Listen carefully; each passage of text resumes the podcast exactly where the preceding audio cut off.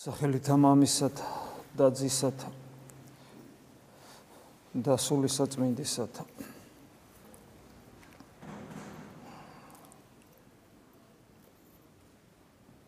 დღეს სახარებაში კიდევ ერთხელ გაგვახსენა ეკლესიამ როგორ კურნავს უფალი შეპყრობილ ახალგაზრდა ვაჟს რომლის შესახებაც мама ევედრება. მე ხასგასმულია ყრუდა უტყვი ეშმაკი, ანუ მინიშნება იმაზე თუ როგორია ღმერთს დაცილებული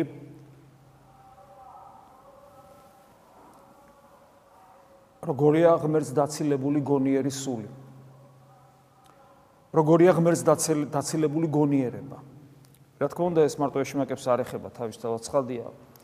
ღმერთს დაცილებული გონიერება ყრუა და უტყვი, ანუ ვერ საუბრობს. ანუ იმ სამეთყოლო ინსტრუმენტს, ანუ სათქმელი არაფერი არ აქვს. ამ გაგებით. ყრუ არ ესმის, არ ესმის ღვთის ხმა, ცხოველივით არის. ცხოველივით არის, ცხოველს არ ესმის ღვთის ხმა. და ასევე შიგნით სიცარიელი აქვს. არაფრის თქმა არ შეუულია მნიშვნელოვანის. აი ეს არის დემონური მდგომარეობა. ყრუდა უტყვი ეშმაკი.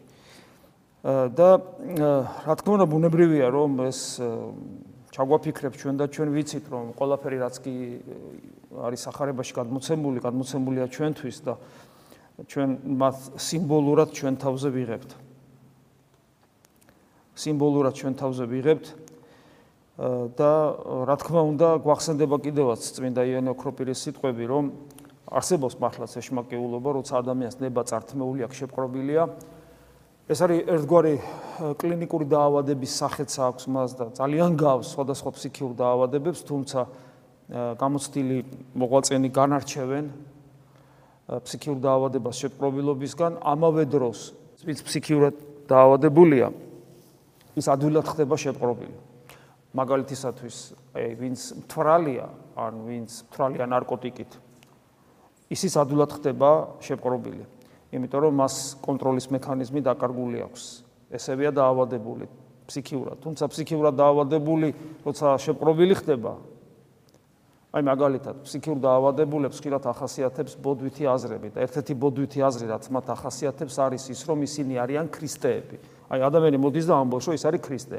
ან მოვა და ფიქრობს რომ მან უნდა გადაარჩინოს სამყარო, იმიტომ რომ ღმერთია, მოვლენილი ღმერთია. მასიურად ხდება მსგავსი რაღაცა. ამ დროს ფსიქიურ დაავადებას ერთვის თან შეპყრობილობა, რომელიც აი ადამიანს ამგვარ საშნელ მდგომარეობაში ამყოფებს. მაგრამ ამ შემთხვევაში ას ადამიანი მსხვერპლია აუნტყოფობის და როცა ადამიანი სიმთვრალის გამო ხდება ესე და მით უმეტეს ნარკოტიკის სიმთვრალის დროს, რა თქმა უნდა, ეს უკვე ადამიანის პირდაპირი ბრალეულობაა. მაგრამ მეონა ქროპირი ამბობს ძალიან მნიშვნელობას, მე ადრეს გითხარით ეს, რომ გაცილებით უარეს მდგომარეობაში ეს ადამიანი, რომელიც კლინიკურად გამოხატულად შეპყრობილი არ არის. აი როგორც ეს ბიჭი ამ სექსიუჟეტში. არამედ რომელიც თავისი ნებით თანამუშაკობს, თანამშრომლობს ბოროტსულთან. და თუ ჩვენ ამ კუთხით შევხედავთ, მაშინ შეიძლება ითქვას, რომ ადამიანთა უდიდესი უმრავლესობა, აი ფართეგზაზე მოსიარული ადამიანების უდიდესი უმრავლესობა სწორედ ამ მდგომარეობაში ვართ, მოდი ესე ვთქვათ, იმიტომ რომ ჩვენ არ ვიცით, რამდენად ვიწრო და ეკლიანი გზით მივდივართ. ეგების ფართეგზით მივდივართ. ის რომ რელიგიურები ვართ, ეს ხომ ჯერ არაფერს ნიშნავს, ამაზე ხო ჩვენ ძალიან ბევრი გვისაუბრია.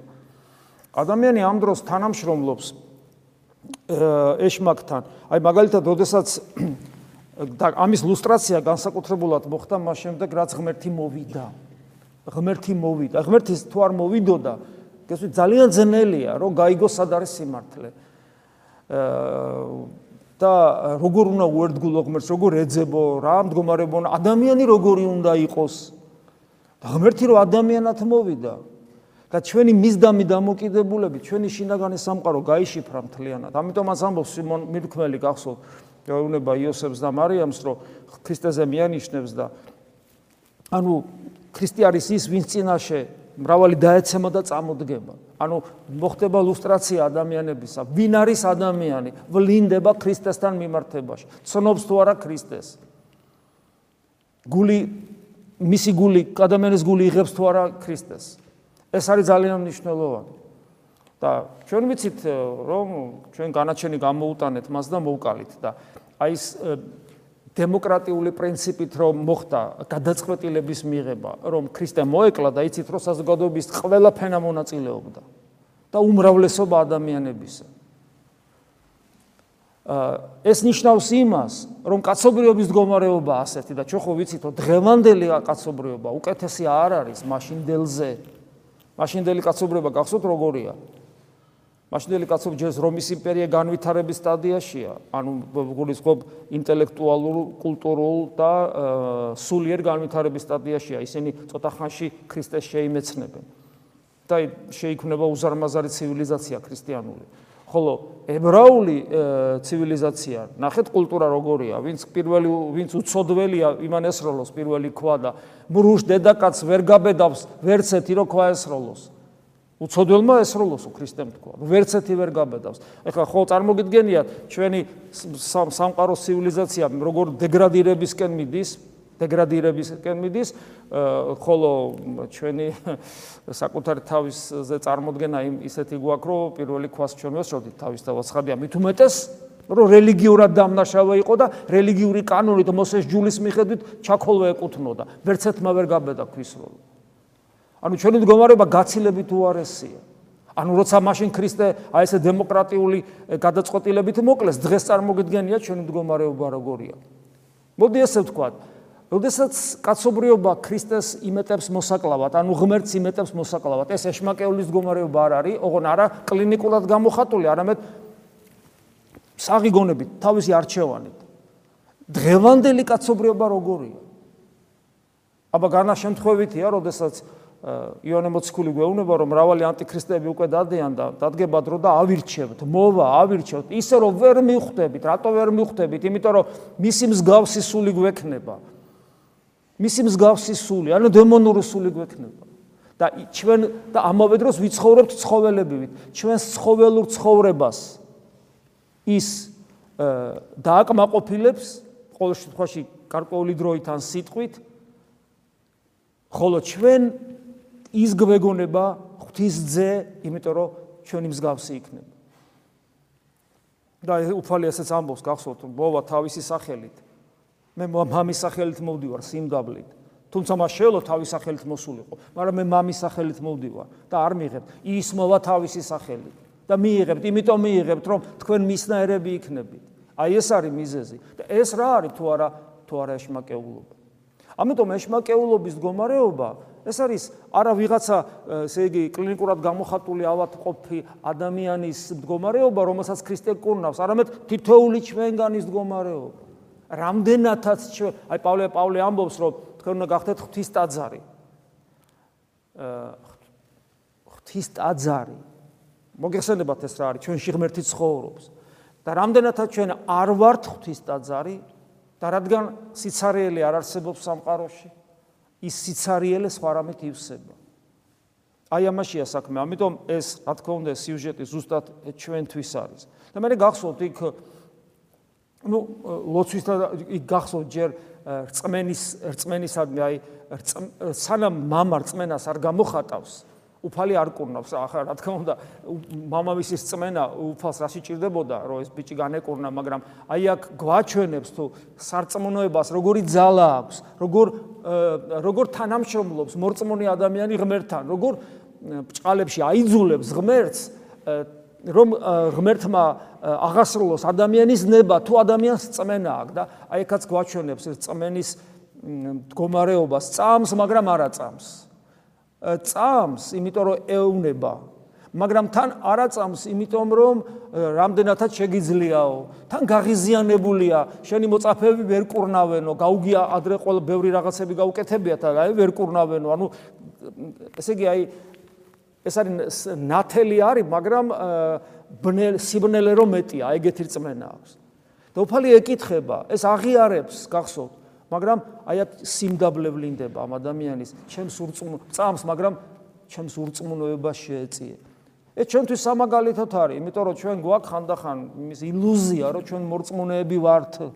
მიუხედავად იმისა, რომ წმინდა წერილში ძალიან ბევრი ნიშანია იმისა, თუ ჩვენ რომლის ბევრი ნიშნულია, მაღალი, რომლის მიხედვითაც თუ ჩვენ სარწმუნოებას შევაფასებთ, ჩვენ ურწმუნოები ვართ. და ეს დღევანდელი ეს იგავური სახე კიდევ ერთხელ გვეუბნება, რომ არ კონდეს ეს რაღაც ცრუ არაჯანსაღი დამოკიდებულება ხიბლის მიერ საკუთარ თავთან არ გვეგონოს, რომ კი კაცო მე მორწმუნე ვარ. ესეთი მაინც გქონდეს, რომ ხო რაღაცა დოზით მორწმუნე არა, ჩემს ურწმუნოებას შეეწიე. და როცა მე უფალი განმარტავს, რომ ბოროტს რომ მოერიო, ანუ რა არის ბოროტს მოერიო, რას ნიშნავს? ჯერ უნდა მიხვდე, რომ ის ბოროტია.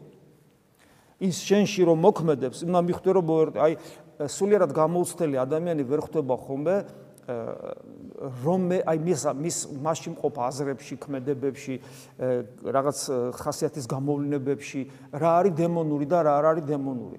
სულიერი გამოცდილება გენელელა ამ დიფერენციას აკეთებს, რომ ესე იგი ხვდები, რომ ეს დემონური იყო და ეს შენი იყო, ან ეს ღვთაებრივი იყო და რატო ვერ ხვდება სულიერად გამოუცდელი ადამიანი? იმიტომ რომ ჯერ ერთი იმიტომ რომ ღვთის მადლის გარეშე ადამიანი საკუთარ თავს ვერ ხედავს, იმიტომ რომ ღვთის მადლში როგორც სარკეში ისე ვიყურებით და მეორე იმდენად მსგავსი ადამიანის შინაგანი სამყარო დემონური სულისა ღვთის უარყოფის გამო და ქრისტესთან ქრისტეს ვერ მიღების გამო იმდენად მსგავსია, იმდენად ერთგვაროვანია და იგივეობრივია, რომ ესე იგი ეშმაკი არის თუ არა ადამიანში, ადმას ადამიანი ვერ გძნობს, როგორც ადამიანის სიმსივნის უჯრედს ვერ გძნობს, სანამ ის უკვე მომაკვდინებელი არ გახდება. აი ესეთი რამე, სანამ დემონი მომაკვდინებელი არ გახდება, ჩვენთვის ჩვენ მანამდე ვერ გძნობ. ზოგ შემთხვევაში ადამიანი სიცოცხლის ბოლომდე ვერ გძნობს და მის მომაკვდინებელ ძალას იგზნობს გარდაცვალებისთანავე. მანამდე ადამიანი ამას ვერ გძნობს. იმიტომ რომ მსგავსია. აა და აი უფალი ამბობს რომ ლოცვითა და მარხვით ანუ ანუ ღვაწლს ღვაწლზე მიანიშნებს იმიტომ რომ ლოცვას და მარხვაც ღვაწლს ნიშნავს იმიტომ რომ და ერთმანეთზეა დამოკიდებული ეს. და უფალი ამით მოციქულებს ეუნება და რა თქმა უნდა ამით ჩვენ გვეუნება რომ ჩვენ უნდა გქონდეს ჩვენი რწმენა განსაკუთრებულ ცხოვრების წესში უნდა ვლინდებოდეს. ეს არის მუდმივი კომუნიკაცია ცოცხალ ღმერთთან ლასაც ლოცვა ქვია და ეს არის მარხვა, ანუ ამასופლის სულის წინააღმდეგ სვლა. და ჩვენი ბუნების გამოგლეჯვა ამასופლის სულისაგან. როგორც გეუბნებით, აი თევზი რო შემოტრიალდება მდინარის საწინააღმდეგოდ, მაგრამ ეს საკმარისი არ არის, იმიტომ რომ მდინარე მაინც წაიღებს. შემოტრიალდება და უნდა დაიწყოს ცურვა იმ სიჩქარეთ მაინც, რომ ცოტათი მეტი იყოს მდინარის სიჩქარეზე, რომ ესე იგი აღმა დაიწყოს სვლა. ანუ ანუ ის კომფორტი რაც მანამდე ქონდა მას აღარ ექნება ის ომში შედის და ადამიანი რო ინათლება ომში ომში შედის თავისი აღთქმით. იმიტომ რომ ის ამბობს რომ მე შეუდგები ქრისტეს. მანამდე ხო არ ნათლავენ? და ქრისტე რას გეუბნება? მე თუ მდევნეს თქვენს გდევნიან. და ეს ამბობს მე შეუდგები ქრისტეს. არ არის ეს ბძოლა საბძოლაში შესვლა. და მანამდე რას ამბობს? ფუი ეშმაკს ამბობს რომ განვაშორები ეშმაკს და მის საქმეებს და ფუი ეშმაკს. არ არის ეს ბრძოლაში შესვლა. არის. ადამიანი შედის ბრძოლაში, როგორც კი ქრისტიანობას იწખებს. ჩვენ ეს არ გვინდა და რო არ გვინდა, იმიტომაც არის რომ ტკეპნით ხოლმე ერთ ადგილს და ناقოფი ნულოვანია, ნულოვანია ناقოფი. ამასთან დაკავშირებით კიდე მინდა გითხრათ რომ ესე იგი ეს აი კომფორტის კომფორტის ზონის შექმნა რელიგიურ ცხოვრებაში ეს არის ძალიან სერიოზული დაავადება, რომელიც თითქმის ყველას ჭირს და ყველა გადის ამ დაავადებას. ანუ ადამიანი მადლით მოვა წმენაში, ანუ შემოტრიალდება თევზი, მადლითვე, მადლითვე ეძლევა ძალა და ენერგია დინარის საწინააღმდეგო იცუროს, გარკვეულ დისკომფორტს თავის თავს ესე იგი დისკომფორტის გომარებაში აყენებს, მაგრამ ამავე დროს მადლის მიერ მას აქვს სიხარული და ეს სიხარული მას აბედნიერებს, იმიტომ რომ ადამიანი მხოლოდ ღმერთთან ერთობაში ამ ამ სიტყვის დიდი გაგებით ადამიანი და იწება და ბძოლასაც ხო თავისი რაღაც დადებითი მუხტი ახლავს ხო რაღაც ეს ეს ცალკე თემაა ხო ეს ხო არის ადამიანში და ამიტომ ადამიანი არის გახარებული და მე მისი ფსიქოსომატური და ეს სულიერი მდგომარეობა ამ ბძოლის მდგომარეობას ეჩვევა, ეჩვევა მე მადლი გარკვეულ მადლის მიერ განვისწავლებით და ადამიანი მოდის რაღაც გარკვეულ მდგომარეობაში, როდესაც მისი სულიერი ცხოვრება ხდება სტაბილური. სტაბილური ხდება. და ფაქტობრივად, ფაქტობრივად, აი შეიძლება მე ვთქვა, რომ ესეთი სიჩქარით ხდება, რომ ესე იგი აღარ მიდის აღმა, ან შეიძლება საერთოდ გაჩერდა კიდევაც და მდინარეს მიაგ და ილუზია ექნება, რადგან იქით იყურება, რომ კლავ თითქოს ქრისტიანულად ცხოვრობს, ანუ კლავ თითქოს აღმათ აღმათ მიცურავს, მაგრამ სინამდვილეში ის კომფორტულ ზონაში მოდის, ის რელიგიური მდგომარეობა, რასაც მისი ფსიქოსომატიკა მიეჩვია, მას აღარ პრობლემებს აღარ უქმნის და ხდება აი სულიერი ცხოვრების გაყინვა. მე ადამიანს ეს რა თქმა უნდა შემოქმედებით მუხტს კლავს ადამიანში და ადამიანში ხდება ნელთვილობის პერიოდი. დგება როცა ადამიანს უკვე უჭირს აქტიური სულიერი ცხოვრება შეენარჩუნოს აქტიური ევქარისტიული ცხოვრება შეენარჩუნოს აქტიური ლოცვითი ღვთისმაძიებლობითი ცხოვრება შეენარჩუნოს. და იწება მე ის რაც ხდება ხოლმე მასიური გადინება სამრელო ცხოვრებიდან ეკლესიიდან, როცა ადამიანები, რომლებიც ოდესღაც აქტიურები იყვნენ, მე ნელ-ნელა პასიურები ხდებიან და ხანდახან შემოევლიან ხოლმე თვეში ერთხელ შეიძლება ან ორ თვეში ერთხელ ეზიარებიან და აი აი აი ეს ესე გრძელდება მათი ცხოვრება. ადამიანი ვერ ხვდება ხშირად, რომ უბრალოდ სულიერად იღუპება. იმისათვის რომ ამ მდგომარეობიდან გამოვიდეს ადამიანმა უნდა დაიწყოს ბრძოლა, უნდა ადამიანი ამას უნდა მიხვდეს. მიხვდეს. ადამიანი ამით უნდა შეწუხდეს. აი თუ ადრე აქტიური იყავი და უცებ შენი აქტიურობა ჩაქრა, უნდა შეწუხდე ამითი. შეწუხდე. თუ ნახე რომ აღარ გენატრება კვირაში ერთხელ ზიარება ან უფრო ხშირად თუ ნახე რომ იესოს ლოცვა ჩაყდა შენში და აღარ აგა თუ ნახე რომ ლოცვა შენთვის რუტინად იქცა და ეს აღარ არის შემოგმედებითი წვა და რაღაც სიხარულის მომნიჭებელი თუ ნახე რომ წმინდა წერილის კითხვა წმინდა მამების კითხვა სიხარულს აღარ გაძლევს და აღარ განიჭებს თუ ნახე რომ ღმერთი იშვიათად გახსოვს სიხარულით არ იღვიძებ და არ იძინებ თუ ნახე რომ პატრა განსასწრების ჟამს ყველაფერი გავიწყდება. ესე იგი ცუდად არის საქმე შენი და უნდა გამოფხიზლდე, გამოფხიზლდე ამ დროს. ამ დროს ფაქტობრივად გინდა არ გინდა, ხდები ქრისტეს ჯვარცმელი, შენი პასიურობით, იმიტომ რომ ესე იგი ზოგი კი უყვირის იქ ჯვარსაც, ჯვარ შენ შეიძლება არ უყვირი ხარ ჯვარსაც, მაგრამ შენთვის რაღაცა მიწას თოხნი და ხო, ნუ ხდება, ხდება. აბა მე რა ვქნა ეხლა რო ხდება? აბა რა ვქნა? რა რას უშველი ახლა ამ საქმეზე შენ ცხოვრებას აგძელებ. აი ამაშია საქმე და ეს არის ძალიან ცუდი და ეს ეს უნდა გვახსოვდეს. აი ეს მარხვა და ლოცვა ამიდან გამოსაფხიზლებელია. ფაქტობრივად ადამიანი ეშმაკილ მდგომარეობაში მოდის. სახელად ქრისტიანი ხარ, ახსარებელი ხარ, მაზიარებელი ხარ, მაგრამ იმის გამო რომ შენ ჩამქრალ სულს ეგოები და არ გაწუხებს. ნელ-ნელა ხდება შენში შემოდის დემონური სული და ეშმაკილ მდგომარეობაში მოდი ხარ. არ გაწუხებს. არ გაწუხებს. სულიერი დაავადება არ გაწუხებს. აა დღეს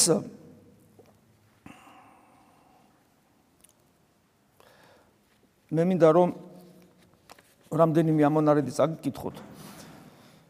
აი ამ თემასთან დაკავშირებით, რასაც ჩვენ საუბრობთ, რომელიც ფიქრობ, რომ აი ჩვენ დაცემულობას ეხება, უღმერთობას ეხება, შესაბამისად დემონურ მდგომარეობას ეხება და რამდენიმე ამონარიდი სიმონ ახალი ღვთისმეტყველიდან და რამდენიმე ამონარიდი დღეს ხსენებული დიდი წმინდანის წმინდა იონეს სინელიდან.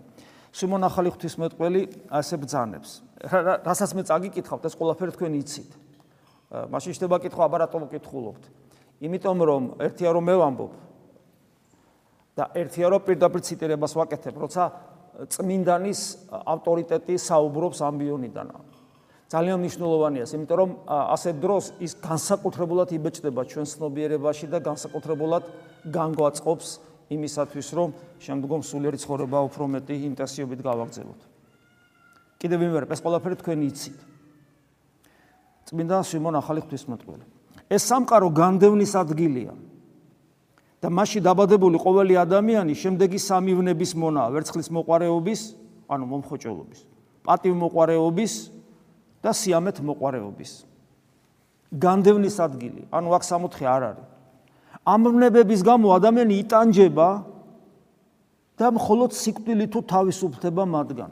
გარდაცვალების შემდეგ ეს სამივნება ჩვენ აღარ გვაქვს, იმიტომ რომ ეს აქ აქ არის. აღარ გვაქვს არნიშნავს, რომ თუ ამაში გარდავიცვალეთ ეს მოგცილდება არსობრივად. უბრალოდ არა გვაქვს, იმიტომ რომ ხორცი არა გვაქვს, არ გვტანჯავს. იმიტომ რომ წმინდა ცხოვრებით ადამიანსაც ტანჯავს ეს სამივნება და მუდმივი ბრძოლაშია და როცა ადამიანს ეს ადამიანი ამ სოფლიდან გადის, ეს ბრძოლა მთავრდება. მაგრამ თუ ადამიანი არ ებრძოდა და ამ ვნებაში ჩაძირულია, მისი მდგომარეობა განსაკუთრებულად ძიმდება. მაგრამ თუ მარადიული სიცოცხლის არ სწამს ადამიანს, მაშინ ფიქრითაც კი გაურბის სიკვდილს და სიმდიდრისა და პატივის მომხოჭოლობას ესწრაფვის, ანუ ეს პატივმოყარეობა და ვერცხლის მოყარეობა. ხოლო ნახეთ აქ საინტერესო ამას ამბობს, ხოლო ასაკთან ერთად ნახეთ ორ ორს ამბობს, ესე იგი ორ უნებას ასახელებს. ესე იგი სიკვდილს არ ფიქრობს და პატივმოყარეობას ეხვეჭ ის ესტრაფის და სიმდიდრეს, ანუ ვერცხლის მოყარეობას და მესამეს არ ამბობს და მესამეს მე რეახსენებს და რა კონტექსში. ხოლო ასაკთან ერთად სიამეთ მოყარეობაშიც იხვეწება. და იქ დახვეწილი ხდება. ანუ სიამონებისადმი უფრო დახვეწილი ხდება და საკუთარ თავზეც გამოგვიცდია და მე როგორც მღვდელი ადამიანების საუბრებს რო ვისმენ, უცნაური რამე ხდება. ადამიანი რაც ბერდება, უფრო უარესი ხდება ამ კუთხით, უფრო მეტად რაფინირებული ხდება სიამოვნების მიმართ, სანამ რა თქმა უნდა ხორცის საშუალებას აძლევს. ახლა როცა ხორცი მოუზლურდება და არც თავი აღარ აგდა, ყდება ეგ სხვა არის, მაგრამ სანამ ჯერ კიდევ ხორცის საშუალებას უფრო აძლევს 50-60 წლის ასაკში და უფრო მეტი უფრო წუწკი ხდება ადამიანი ამ კუთხით, ვიდრე ახალგაზრდობაში. ანუ ხვეწავს ამ კუთხით საკუთარ თავს. მიზეზი რა არის? ბედნიერებას ღმერთში რო ადამიანი ვერ ხედავს და სიცოცხლე კიდე გადის, აი ამ საკითხში მაგრა იხვეწება. და ვერაცნობიერებს, რომ სხვა მარადიული სიცოცხლისთვის არის მოწოდებული. ამ სამი ვნებიდან განთავისუფლება ადამიანს არ ძალუც. გასოთ უფლის სიტყვები, შეუძლებელი ადამიანისათვის სასופოლში ყოფობა. არ ძალუც. ეს რატომ? იმიტომ რომ ეს არის ადამიანის ბუნებაა ეს, ცოდვით დაცემის მერე. ეს მხოლოდ ზეგარდამო დახმარებით შეიძლება მოხდეს, ხოლო ვინც ამ ვნებებით დატყვევებული გარდაიცვლება, ვინც ამ ვნებებით დატყვევებული გარდაიცვლება, პირდაპირ იქ აღმოჩნდება, სადაც ამ ვნებების მიერ მისი დამმონებელი ეშმაკი იმყოფება. იმიტომ რომ მსგავსია ეშმაკის. ქრისტიანებმა იციან რომ ანუ ერთის ხრი ვერ გათავისუფლდები მაგრამ დატყვევებული არ უნდა იყო. ანუ შენი ცხოვრების წესით მას უნდა ემიჯ აი ამ სამვნებას უნდა ემიჯნებოდე ემიჯნებოდე. და კიდევ ერთი ნიუანსი ასეთი ადამიანი შეიძლება ძალიან ზნეობრივი იყოს ყოფით ცხოვრებაში რომელიც ამ სამოვნებით დატყვევებული. ეს ძალიან უცნაური და ეს ეს არის ერთ-ერთი მთავარი პრობლემა. ზნეობრივია ყველაფრით სანიმუშო მოქალაქეა კარგი პატრიოტია, ყველაფრით კარგია, მაგრამ აი ეს სამივნების ტყვეა. ეს ეს ერთდროულად არის შესაძლებელი, იმიტომ რომ ეს არის სულის მდგომარეობა, ხოლო ზნეობა უფრო სოციუმში ადამიანის სოციუმს რო კარგად მოერგები და შენი ფსიქიკა და ეს კარგად რომ მუშაობს, სომატიკა ეს ეს სხვადასხვა რაღაცა. ქრისტიანებმა იციან რომ ქრისტიანებმა იციან რომ მათი გული სხვა რამ უფრო დიდებულით უნდა დაკავდეს და ამისთვის იბრძვიან. იბრძვიან ხას უსვავს მონახალი ღვთისმოწყალე. ქრისტიანთათვის ამ ბრძოლაში უმთავრესი იარაღი ქრისტეს შემოსილობა. რაუდენთა ქრისტეს მიერ ნათელგვიღებიას, ქრისტეს შეგვიმოსიეს. ეს ძალიან მნიშვნელოვანია. სხვა იარაღი ჩვენ არ აგვაქვს. მხოლოდ იესო ქრისტეა. ანუ თავად, ანუ უმთავრესი იარაღი ქრისტეს შემოსილობა, ანუ თავად იესო ქრისტე, არასაკუთარი ნების ყოფა ცოდვასთან ბრძოლაში, არამედ იესო ქრისტე. რომელსაც ეზიარებიან და გონიერ ძალას იღებენ. ეს მადლი გონიერია. ამ მადლის მომხოჭელი და შემნახველი შემნახავი ამ სამი ვნების ძალმომრეობისაგან დაცულია. ეს რატომ არის მნიშვნელოვანი? იმიტომ რომ ადამიანებს აქვთ ილუზია რომ საკუთარი ძალი ნების ყოფით რომელსაც ახსარებაში წავლენენ ამარცხებენ ცოდვებს. ვერც ცოდვას ვერ დაამარცხებს ადამიანი. უფალი ამას გვასწავლის რომ ჩემს გარეშე არაფერი ძალგიც ადამიანებს ილუზია აქვს და ეს ესეთი ილუზორული მდგომარეობა მე პირადად როგორც ღვდელს მასიურად მხდება ერში. როცა ადამიანები მოდიან, გარკვეული გამოცდილებითაც ეკლესიური ცხოვრებისა ამბობენ ახსარებას და ახსარებაში ეგრევე იგზნობა, რომ ადამიანი თვითონ იბრძვის. თვითონ. საერთოდ არაფერ შუაში რომ არ არის ქრისტე. ეს ესეც უნდა გვახსოვდეს. მხოლოდ ქრისტეთი შეიძლება ამ ყოლაფრის დამორცხება. რისთვისაა სარწმუნოებრივი ცხოვრება? თუ სული კლავ დაავადებული გვექნა, კითხვა სვავს ეს დიდებული წმინდანი. რამე თუ ვისაც ჯერისაებ წამს ქრისტე, მას მარადიული სიცოცხლე, ანუ უფალ იესო ქრისტეს მადლი საკუთარ თავში აქვს. ვისაც ქრისტეს წამს, მაგრამ მარადიული სიცოცხლე საკუთარ თავში არ აქვს, მაშინ მისი რწმენა ამაო და უსარგებლოა. ვისაც ქრისტეს მადლი არ აქვს, ასეთი როგორც ქრისტესთან არაწილნაყარი და ურწმუნო ეშმაკთან წილის მქონე. ესე იგი წარმოგიდგენთ ქრისტიანი არის, ქრისტიანულად ცხოვრობს თითქოს, მაგრამ ქრისტეს მადლი საკუთარ თავში არ აქვს. ის ბევრ ადგილას ამბობს, ეს მადლი განცდის დონეზე აქვს ადამიანს. ეს არ არის მადლი მაგ და ვერ გზნობ, ეგრე არ ახტება. მადლი გაგ და გზნობ, ოღონდ ეშმაკმაც იცის ეს და თავის თავსას გაგზნობინებს ხოლმე, როგორც მადლი და შემდგომ მიხვდე, სად არის ეშმაკის ენერგია და სად არის ღვთისგონიერი ენერგია. ამას გამოცდილება ჭირდება, ამას მოძღვარი ჭირდება. როცა გამოცდილება არ აქვს ადამიანს.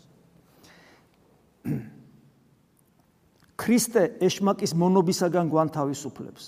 ასეთი ჭეშმარიტად თავისუფალი ანუ წმინდა, კეთილი, მართალი, კეთილმსახური, კაცთმოყვარე, მოწყალე, მშვიდი, თანალმობი, თავშეკავებული, ანუ ნამდვილი ადამიანი ხდება. ხოლო ვინც ასეთი არაა, მართალია გარეგნულად ადამიანებს გვანან, მაგრამ პირუტყთან, დემონთან მსგავსნი არიან. სწორედ ამ მდგომარეობიდან განთავისუფლება ნამდვილი თავისუფლება. ჩამოთვლილია, როგორ უნდა იყოს ადამიანი, ესეთიაო ადამიანი გეუბნება. თუ ესეთი არ ახარ, ესე იგი ეშმაკს და პირუტყს გავხარ. წმინდანი ამბობს ამას, რომელსაც ვიმეორებ უდიდესი რომლის მიმართ უდიდესი ნდობა შეიძლება გქონდეს, იმიტომ რომ ეს არის იმ სამიდან ერთ-ერთი, რომელსაც ეკლესიამ თავის ისტორიაში ღვთისმეტყველის ტიტული უბოძა. მოდი ასე ვთქვა. იოანე მოციქული ღვთისმეტყველი, გრიგოლი ღვთისმეტყველი და ეს ბასილ დიდის მეგობარი და სიმონ ახალი ღვთისმეტყველი. დღეს არის წმინდა იოანეს სინელის ხსენება. ყოველთვის მარხვის ამ დღეს წმინდა იოანეს იოანეს სინელის ხსენება ეს იყო დიდი мама, რომელიც მე ადრეც მისი ამონარიდებს კი კითხავდით ერთი პერიოდი გახსოვს და ეს არის ციგნი, რომელიც ყველა ადამიანს უნდა კონდეს, ქართულათაც მადლობა ღმერთს არსებობს. თარგმნილია რატომ არის ეს ციგნი საინტერესო? იმჯერ კლასიკაა ასკეტური ლიტერატურის, ეს ერთი და მეორე. ამ ადამიან ეს ადამიანი წევს საკუთარი თავიდან. ანუ მას ეს ყველაფერი გამოცდილი აქვს. გამოცდილი აქვს. და იმისი სიტყვები არის ეფუძნება ეკლესიის სწავლებას და პლუს კიდევ მეორე საკუთარ თავშია გამოტარებული. ამიტომ ეს მისი სიტყვებიც აბსოლუტური ნდობას იმსახურებს. რამდენიმე ამონარიდი დღევანდელ ასე იგი სახარებასთან და დღევანდელობასთან დაკავშირებით. წმინდა იონეს სინელი ბზანებს თუ ცოტაოდენი გამჭრიახობა და განჯის უნარი გვაქვს უნდა გამოვცადოთ დავაკვირდეთ და ასე ვთქვათ გამოვიკულიოთ აი წეგან მოძღვარი ვახსენე რომელიც გაგარკვევს თქვათ ხო? როგორ არის საქმე? რა არის შენში? ეს ეს ეს შეგძნება ღვთისა დემონურია თუ ღვთის არის? დემონური თუ ღვთის? მაგრამ იმისათვის რომ იპოვო მოძღვარი შენ უნდა კონდეს სიმდაბლე და მორჩილება და არ უნდა იყოს თავის თავში აბსოლუტურად დარწმუნებული რომ მე რა ჩემი თავის მე ვიცი. აი ეს თუ გაქვს ოღონ ამას დეკლარირებულად კი არ აკეთებ. ეს თუ გაქვს ჩემი თავის მე ვიცი ვერასოდეს მოძღვარს ვერ იპოვი ქრისტე რომ იყოს შენს გვერდზე ქრისტე ვერ იპოვი მას როგორც მოძღვარს როგორც იუდამ რომელიც ქრისტესთან იყო ქრისტე მოძღვრად ვერ იპოვა ვერ დაინახა ანუ მოძღვრის პოვნა თქვენზეა დამოკიდებული და მოძღვარი ვინ არის რომელიც ფილოსოფია კი არ უნდა ამას და დიდი სიწმინდე, რომელიც გეტყვის, რომ ის შეგზნება, რაც შენ გაქვს, დემონურია და არ არის ღვთისაგან. ან დაგამშვიდებს პირიქით გეტყვის, რომ ღვთისგან არის. ან მინიმუმ იმას გაიტყვის, გეტყვის, რომ არ ვიცი და შენ დაფიქრდები. ემად რამე არ შემეშალოს. თუ ცოტაოდენი გამჭრიახობა და განჟის უნარი გაქვს, გამჭრიახობა, ცოტაოდენი და განჟის უნარი. უნდა გამოვცადოთ, დავაკვირდეთ და ასე ვთქვათ, გამოვიკვლიოთ ის მესაჭე, რათა შემდეგ მესაჭის ნაცვლად არ შეგრჩეს უბრალო მენიჩბე, ექიმის ნაცვლად სნეული, სრული უვნებლობით ახსავსე ადამიანის ნაცვლად კაცი ვნებული, ნავსაყუდელის ნაცვლად მორევი და ამგვარად გამზადებულ წარწმე და არ მოვიპოვოთ. ნახეთ რას გეუბნება, ესე იგი, გამჭრია ხობა, განსჯა და უნდა გამოცადო და აკვირდე და მე აიჩიო ადამიანი მოძღვრად. რომ მე მესაჭეს მაგივრად მენიჩვი არ შეგჭეს და მე ბრმას არ აეკიდო. აი ეს არის. როცა სულიერი მკურნალი ჩვენი წყლულების განკურნებისათვის უძლურად ცნობს თავს, მაშინ მეორესთან, სხვასთან უნდა წავიდეთ, რათა მკურნალის garaშე ცოტა თუ გადარჩება. ანუ კიდევ ერთხელ გვეუბნება, რომ არა ყავს მოძღვარი. ეს გამოსავალი არ არის. ამან ვერ გიშველა იმასთან წადი, იმან ვერ გიშველა იმასთან წადი და თუ ვერ იპოვე საერთოდ, შენახარ პრობლემური, როგორ შეიძლება ვერ იპოვო? მაშინ ეკლესია აღარ არსებობს, თუ მოძღვარი ვერ იპოვო. ხორციელი სნეულების გაჯანსაღების უმთავრესი ნიშანი არის სნეულების შემსუბუქება. ხოლო სულიერად სნეულნი ნიშნად იმისა, რომ ვნებებს ამარცხებენ და სიმდაბლეს მოიხვეჭენ. ანუ სნეულ სულიერი სნეულების განკურნების ნიშანი არის სიმდაბლის მოხვეჭა, ერთ-ერთი ყველაზე მთავარი. არაფერი ისი არ ზულს მონანულს როგორც გულფიცხეობისაგან აღშფოთება, რადგან სინანული უდიდეს სიმდაბლეს ითხოვს, ხოლო გულფიცხობა უდიდესი თავმაღლობის ნიშანია. თუ სულიწმინდა იწოდება და არის კიდევაც სიმშვიდე სულთა, ხოლო მრისხანება აღშფოთება გულისა, არაფერი ისე არ დააბკოლებს ჩვენში სულიწმინდის დამკვიდრებას, როგორც მრისხანება. ეს რას ნიშნავს, როცა სულიწმინდა არ მკვიდრდება, მაშინ დემონური სული მკვიდრდება. მეტად უნდა ვუფრთხოდეთ და გავურბოდეთ ამ გველს მრისხანებისა და აუმეხსიერებისას, რადგან მას ისევე როგორც ხორციელ ნებათა გველს ბუნება ხავს შემწეთ. ბუნება ხავს შემწეთ რას ნიშნავს? მე რომ მრისხანებ, იმიტომ მეიოლება მასთან ყოფნა და მისგან განთავისუფლება მეძნელება, რომ ჩემი ბუნება, ჩემი ბუნება მრისხანებას უფრო იღებს და მრისხანებასთან უფრო თანამშრომლობს ვიდრე სიმშვიდესთან და სიმდაბლესთან. იმიტომ რომ ჩემი ბუნება დაცემულია.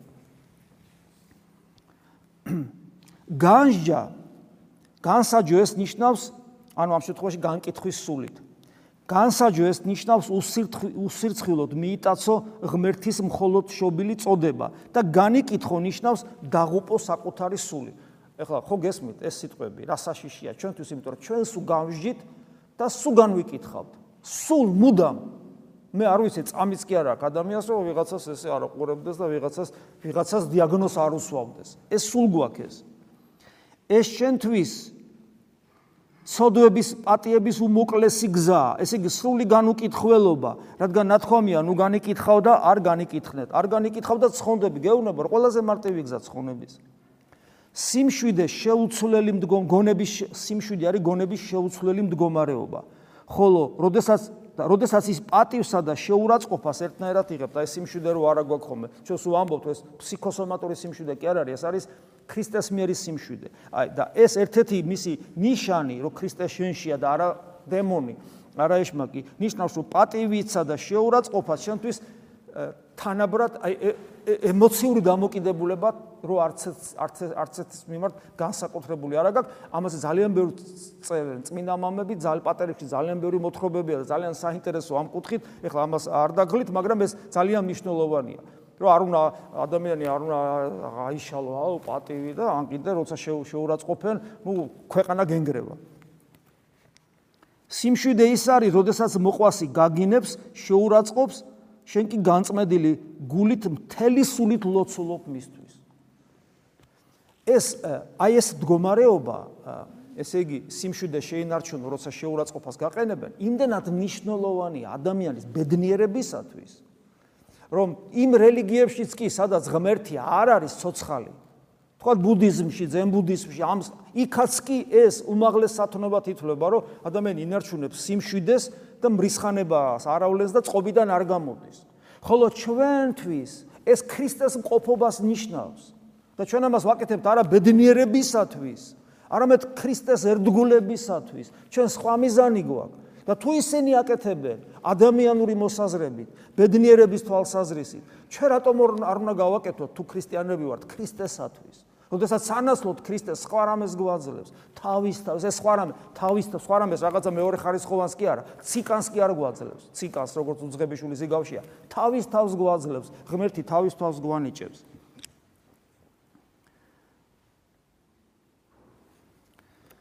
სიმშვიდე ყოველგვარი განსაცდელის მადლობით და სიხარულით დათმენა. და ბოლოს აი ჩვენ ხშირად საუბრობთ ისიქაზმზე, რომელსაც ქართულად სხვადასხვანაირად მოიხსენებენ, ერთ-ერთი ეს არის დაყუდება, მყუდროება, დაყუდება საკუთარ თავში. და იმისათვის რომ ჩვენში საბოლოო ჯამში ბოროტი დამარცხდეს, ერთ-ერთი უმთავრესი ინსტრუმენტი სწორედ ეს არის. და აი რამდენიმე სიტყვა იოანეს სინელის ლოცვას ეხება. დაყუდებული, დაყუდებული ის არის, ვინც უხორცო და უხილავ გონებას ნივთიერ სახლში გამოკეტავს. ეს ღვაწლი მართლაც რომ იშვიათი და განსაცვიფრებელია. ხვდებით ხო ეს ხო ეს ნივთიერი სახლი ჩვენი სხეულია. ამას გრიგო პალამა თელ ტრაქტატებს უძღვნის. ანუ შიგნით, როცა შიგნით გონები გონების ყურადღებით შიგნით როცა ლოცულობს. ეს იშვიათი და განსაცვიფრებელი, იმიტომ რომ ძალიან რთულია ჩვენი გონება მისრაფის სულ გარეთ. უფალი იესო ქრისტეს ხსენება სულ თქვასავით განუშორებელი იყოს შენგან და დაყუდების კეთილ შედეგს მაშინ შეიცნობ. ანუ დაყუდება არა თავისთავად, რომ შიგნით იყო. არამედ იესოსთან ერთად იყო. კეთილ შედეგს ამისი ხაზმის, ანუ დაყუდების, ამ მხოლოდ ამის შემდეგ ნახავ. ანუ ქრისტესთვის ვარ შიგნით და არა სხვა რამისთვის. ღამის განმავლობაში აი აქ ახლა რასაც გეტყვით, კიდევ ერთხელ კიდევ ერთხელ იოანესინელი გვეუბნება, ლოცვა არის მხოლოდ გონიერი ლოცვა იესოს ლოცვა. დანარჩენი ყველაფერი ამ სიტყვის დიდი გაგებით, ლოცვის დიდი გაგებით არ იწოდება. აი ნახეთ, ღამის განმავლობაში ძირითადი დრო ლოცვას დაუთმე. და მხოლოდ მცირეოდენი, როცა იღლება ადამიანი და ამ შემდეგ, მხოლოდ მცირეოდენი ფსალმუნებას. ნახეთ, რა საინტერესოა.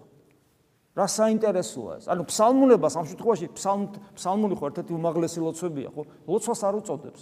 გონიერი ლოცვა, ლოცვა. დანარჩენი ფსალმუნება. ფსალმუნებას შედის ფსალმუნების კითხვა, დაუჯდომელები, პარაკლისები, ზიარების წინა და შემდგომი ლოცვები, დილის ლოცვები, ყველაფერი ეს არის ერთიანობაში ფსალმუნება. ხოლო ლოცვა არის გონებით გულში მყოფობის იესოს სახელის მოუკლებელი მოხსენება. რომელსაც ასევე სწავლა ჭირდება. ნუ იტყვი რომ დიდი ხნის განმავლობაში ლოცვაზეც გახარ, აი შეიძლება არის რომ мама ლოცულობ ناყოფი არ არის, ეშმა კი გატყილებს ამ დროს. ეშმაკს უნდა რომ თავი დაანებო და მერე შემოვიდეს და გახდა ის უტყვი და ყრო ეშმაკეული, რომლისაგანაც აი უფალი ესე კურნავს. ეს ერთ-ერთი ცბიერი აზრია დემონური, დემონისა. და ეხლა მიხვდებით, რასაც გეუბნებით. ნუ იტყვი რომ დიდი ხნის განმავლობაში ლოცვაზე დგახარ და წარმატებას კი ვერ მიაღწიე. იმიტომ რომ ლოცვაზე დგომა და საუბარი უფალთან თავისთავად წარმატებაა.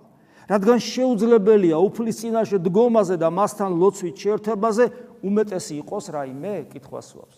ამიტომ იესოს სახელის მოხსენება საკუთარ თავში ეს უკვე უკვე უდიდესი ღირებულებაა. ნეტა ესე გვაცხოვრა და ესე გაგვიყვანა ამ ქვეყნიდან. და რაც შეეხება ناقოფების მდევნელი ადამიანი, როგორც წესი ხიფში ვარდება. უფალს, როგორც წესი ადამიანი, რომელიც უანგაროდ იესოს ეძებს, იესოსთან შეხვედრას თავის თავში ეძებს, არასოდეს არ ჩება ღმერთის გარეშე ესე მიტოვებული და უფალი პერიოდულად, ზოგს იშვიათად, ზოგს ძალიან იშვიათად, ზოგს კიდე ხშირად და ზოგს კიდე ძალიან ხშირად ასწავლის მადლის მიერ. აი ეს არის ის გზა, რითაც ჩვენ თავს დავიზღვევთ, რომ არ გავხდეთ არაკლინიკურად, რაც სახეზე ასე ადვილად ვლინდება, არაკლინიკურად, არამედ თანამშრომლობით ეშმაკეულნი. იმიტომ რომ ჩვენ მხედავთ თუნდაც საქართველოს მაგალ არტო საქართველოს სოფლიო მაგალითზე რას ნიშნავს ადამიანები რომ უღმერთო ცხოვრობენ, რანაყოფები გამოაქვთ ამ ადამიანებს. განკურნების ერთადერთი გზა, ერთადერთი ინსტრუმენტი. ეს არის იესო ქრისტე, რომლის შემოსილობაც ჩვენ პოტენციაში ყოველას გვაქვს და რომლის ერთგულებით ცხოვრება ჩვენ ადამიანებად გვაქცევს. და მოგცემს იმ ბედნიერებას, რომელსაც ვეძებთ, რომელიც არსად არ არის. იესო ქრისტეს გარდა. ამინ. მადლი უფლისა ჩვენისა იესო ქრისტეს. და სიყვარული ღვთისა და მამის. და ზიარება სულისა წმინდის იყავ თქვენ ყოველთა თანა. ამინ